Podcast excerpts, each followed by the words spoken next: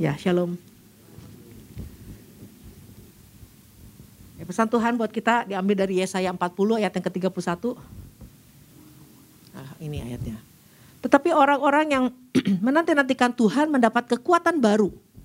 Mereka seumpama Raja Wali yang naik terbang dengan kekuatan sayapnya. Mereka berlari dan tidak menjadi lesu. Mereka berjalan dan tidak menjadi lelah. Ya, jadi ini sesuatu yang uh, apa luar biasa. Artinya secara umumnya, secara normalnya orang berlari itu pasti menjadi lesu lama-lama. Tapi dan orang yang berjalan pasti lelah. Tapi ini dikatakan bahwa ber, berlari tidak jadi lesu. Berjalan tidak menjadi lelah. Ini berarti kan sesuatu yang uh, uh, extraordinary ya, yang nggak biasa. Oke, okay, nah ini yang jadi pesan Tuhan adalah jadilah orang percaya yang bermentalkan, bermentalitaskan Raja Wali ya.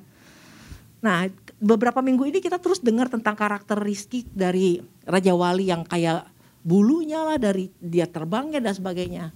Tapi yang saya tangkap adalah ketika Tuhan ingatkan tentang Raja Wali adalah bahwa Raja Wali itu adalah burung yang kalau lagi ada badai dia nggak nggak nggak takut untuk terbang. Ya. Di saat burung-burung kecil yang lain yang pada ada di sarangnya di berdiam, eh, burung Raja Wali ada badai pun dia nggak takut dan dia siap untuk menembus badai. Nah ini mental inilah yang yang sebenarnya Tuhan lagi ingatkan buat kita bahwa hidup ini kan selalu ada badai ya, betul nggak? Hidup itu selalu ada persoalan, ada pergumulan, ada permasalahan.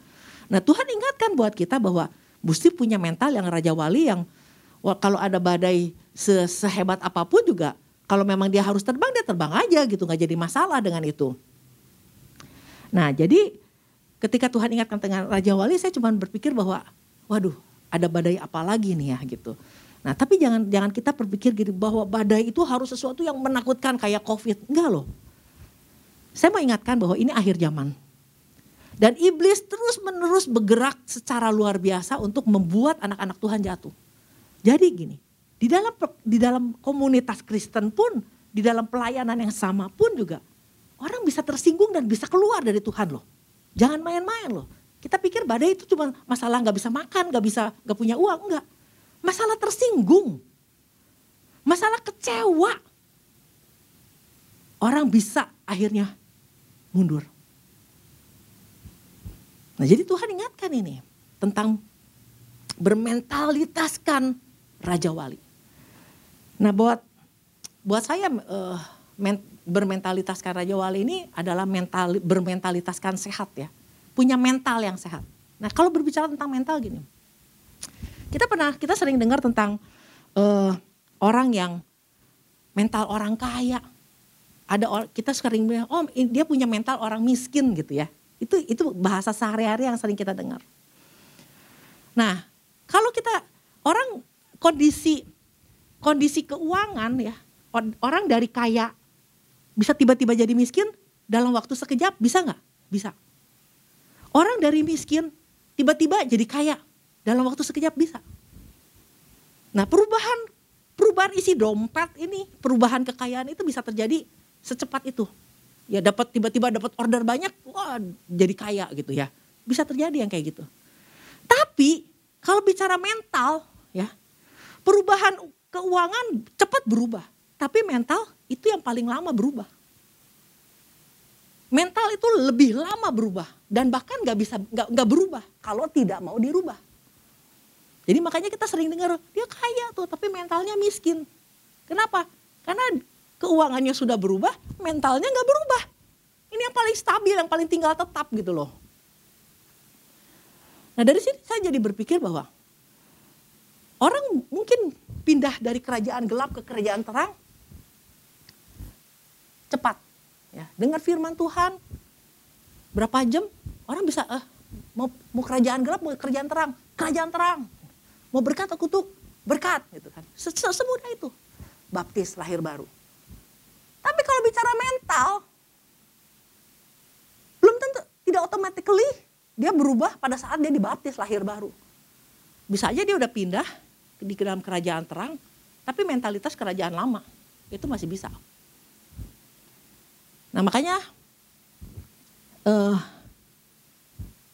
betapa kita ini yang sangat dibutuhkan ya. Jadi mungkin Raja Wali udah sadar nih, gue Raja Wali gitu ya.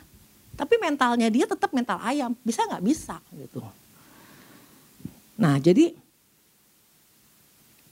perubahan mental itu butuh waktu lama.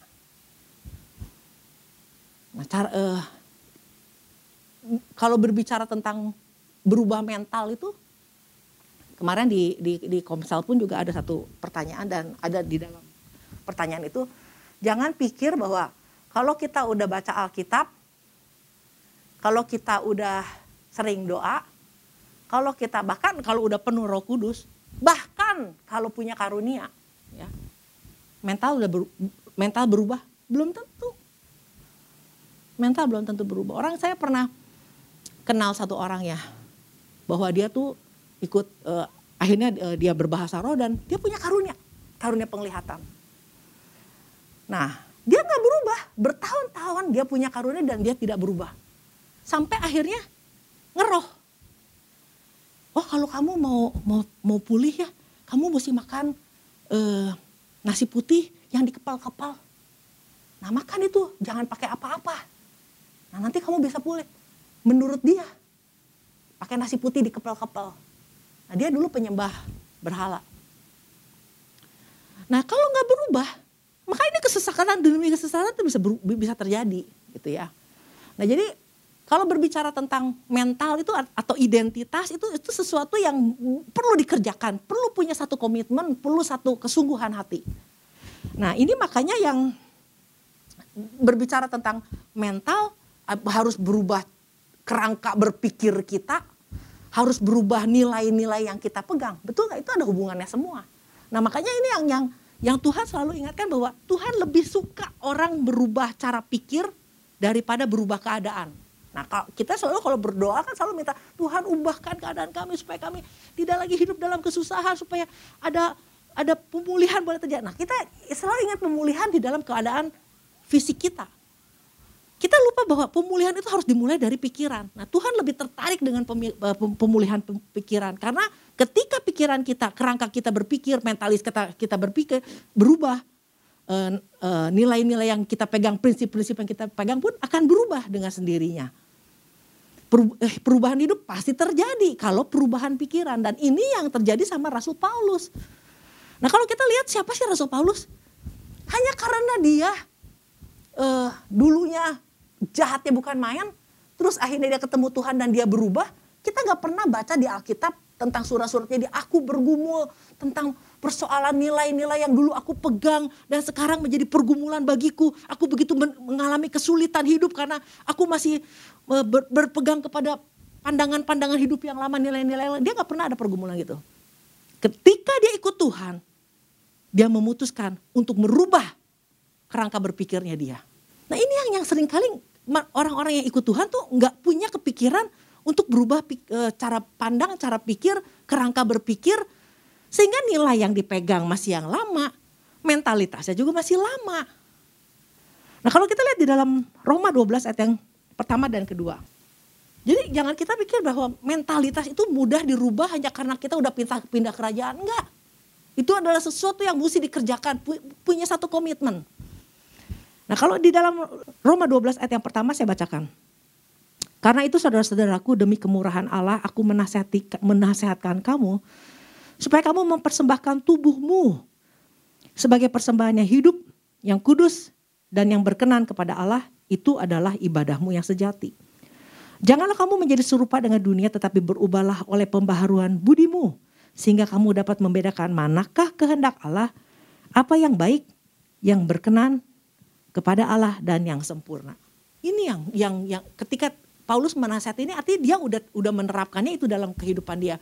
Begitu dia ikut Tuhan, begitu dia mengalami perjumpaan dengan Tuhan, dia tahu yang Allah yang ketemu sama dia ini Allah yang berbeda dengan Allah yang lain. Allah yang punya nilai-nilai, yang punya ke, uh, uh, yang kebenaran, Allah yang berbeda dengan orang lain, dengan yang dia pernah sembah. Itu satu yang dia pegang. Nah makanya kenapa dia begitu mudah untuk mengalami uh, perubahan hidup, mentalitas dia langsung berubah, Karena apa? Karena dia punya satu komitmen bahwa dia mau mempersembahkan hidup dia kepada Tuhan. Nah, berapa banyak anak-anak Tuhan? Orang-orang percaya, orang-orang yang lahir baru tapi tidak pernah mempersembahkan hidup sama Tuhan. Tidak pernah membawa dirinya untuk betul mau ada di dalam Tuhan dan mau ikut cara-cara Tuhan. Ya. Nah, ini uh, mempersembahkan hidup itu dalam bahasa aslinya tuh paris temi ya. Paris temi itu artinya gini, menyerahkan diri. Kita yang punya keinginan untuk menyerahkan diri sama Tuhan. Kita yang mau membawa diri kita, arti yang lainnya adalah mendekati Tuhan. Jadi kadang-kadang jadi ikut Tuhan cuma yang penting gue punya status. Tapi tubuh tidak pernah mendekat kepada Tuhan, tidak pernah menyerahkan hidup kita sama Tuhan dan biar Tuhan kita mau ikut caranya Tuhan gak pernah.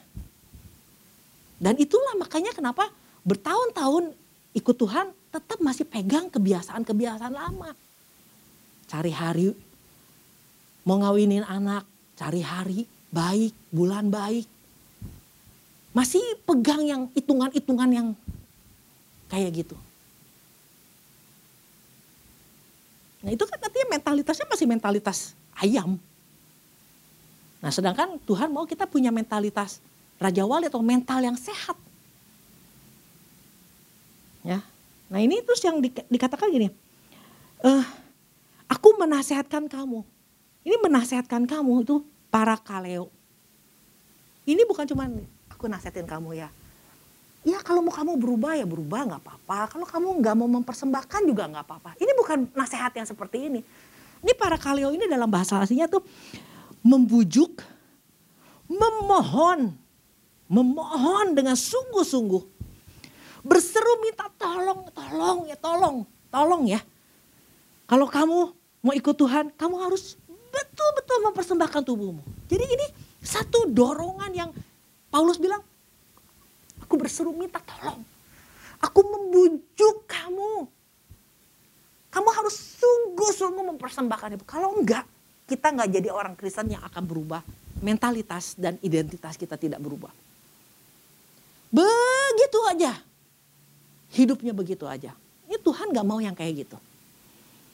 Jadi uh, kalau di dalam bahasa aslinya tuh dia bukan mana saya to back. Minta dengan sungguh dengan mohon. Nah kalau orang udah mau mempersembahkan hidup dia buat Tuhan, pokoknya artinya artinya dia udah berketetapan hati, artinya gini, kemarin kan dikatakan harus tahu pijakannya. Ya.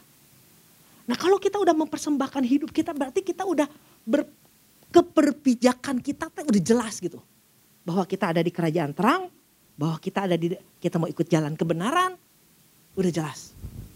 Tapi kalau kita ikut Tuhan tidak pernah mau mempersembahkan hidup kita, Makanya sulit untuk berubah.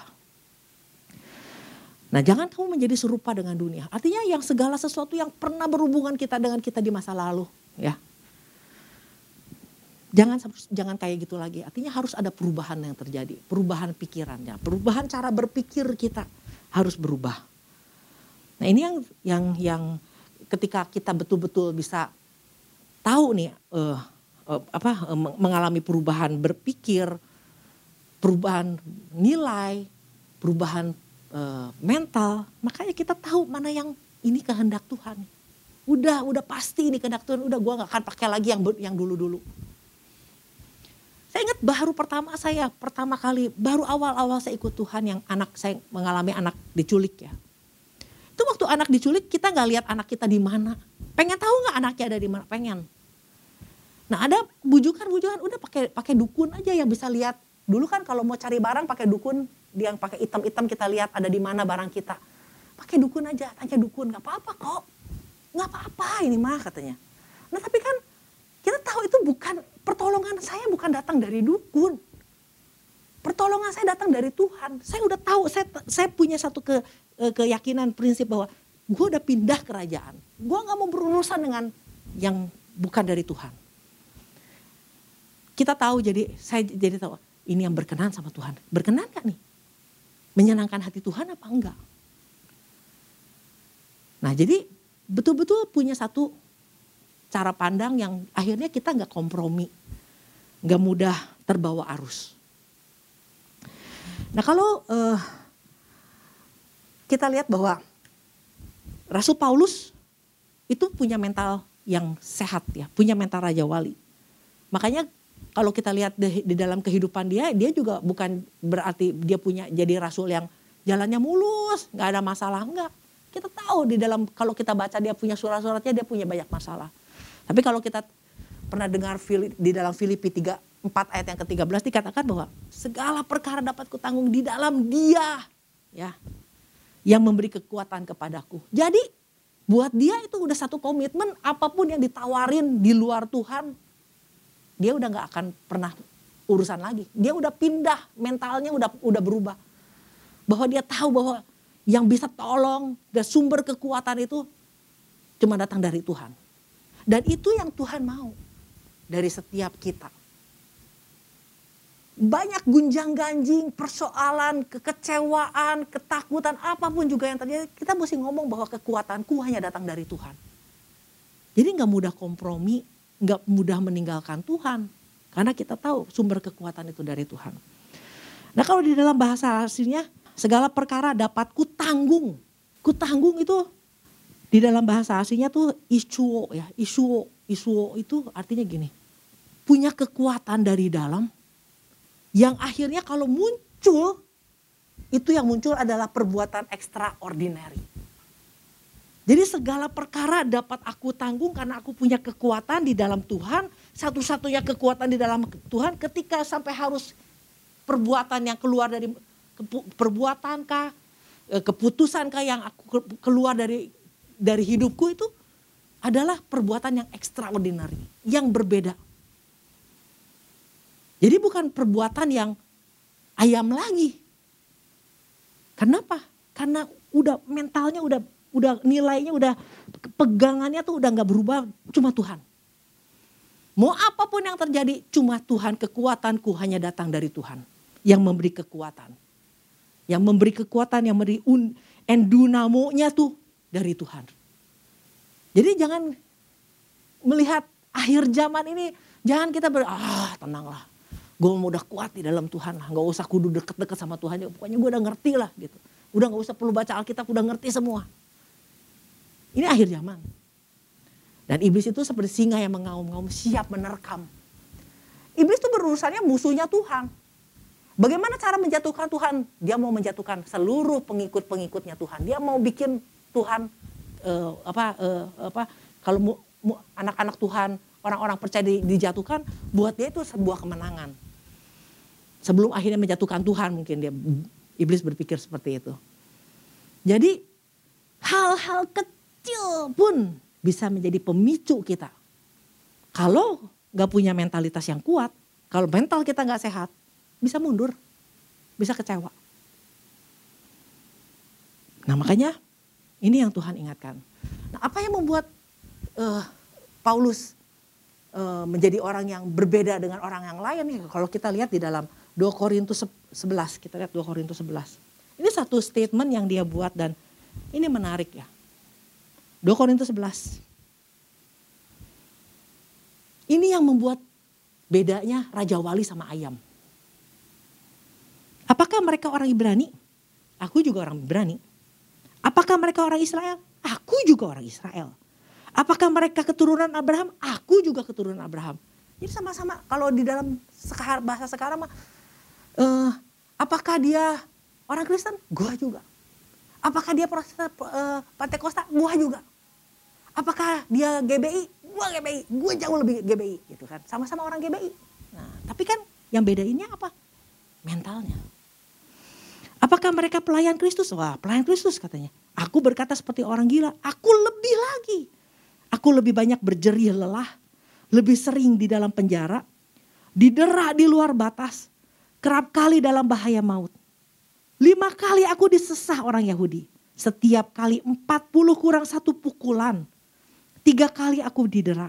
Satu kali aku dilempari dengan batu. Tiga kali mengalami karam kapal. Sehari semalam aku terkatung-katung di tengah laut. Dalam perjalananku aku sering diancam bahaya banjir dan bahaya penyamun.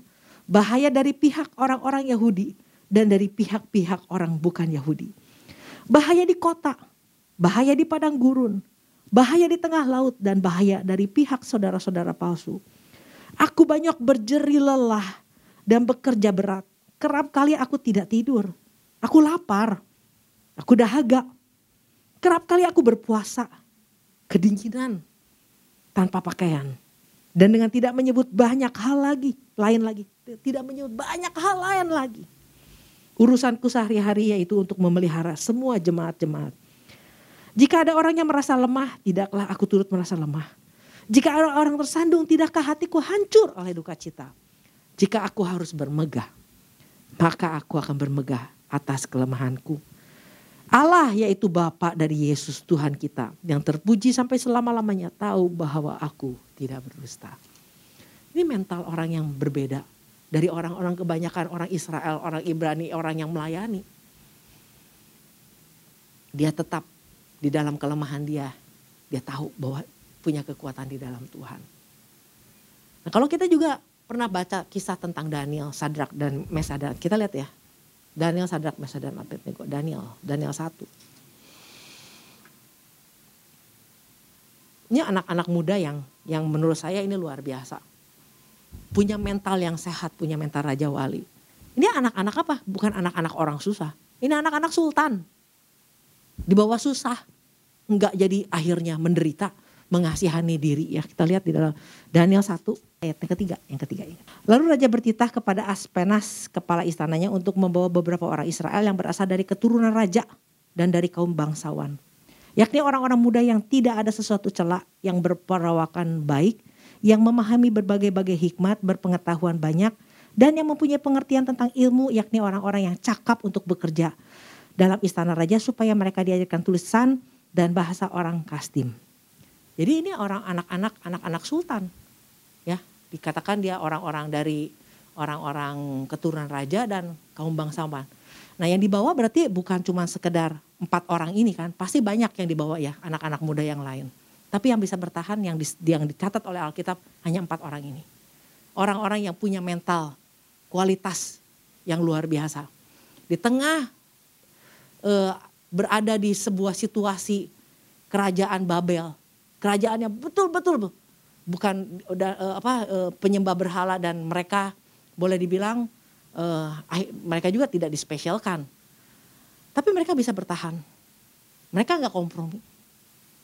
Apa pun yang terjadi, dia tetap berpegang bahwa dia menyembah kepada Allah yang hidup.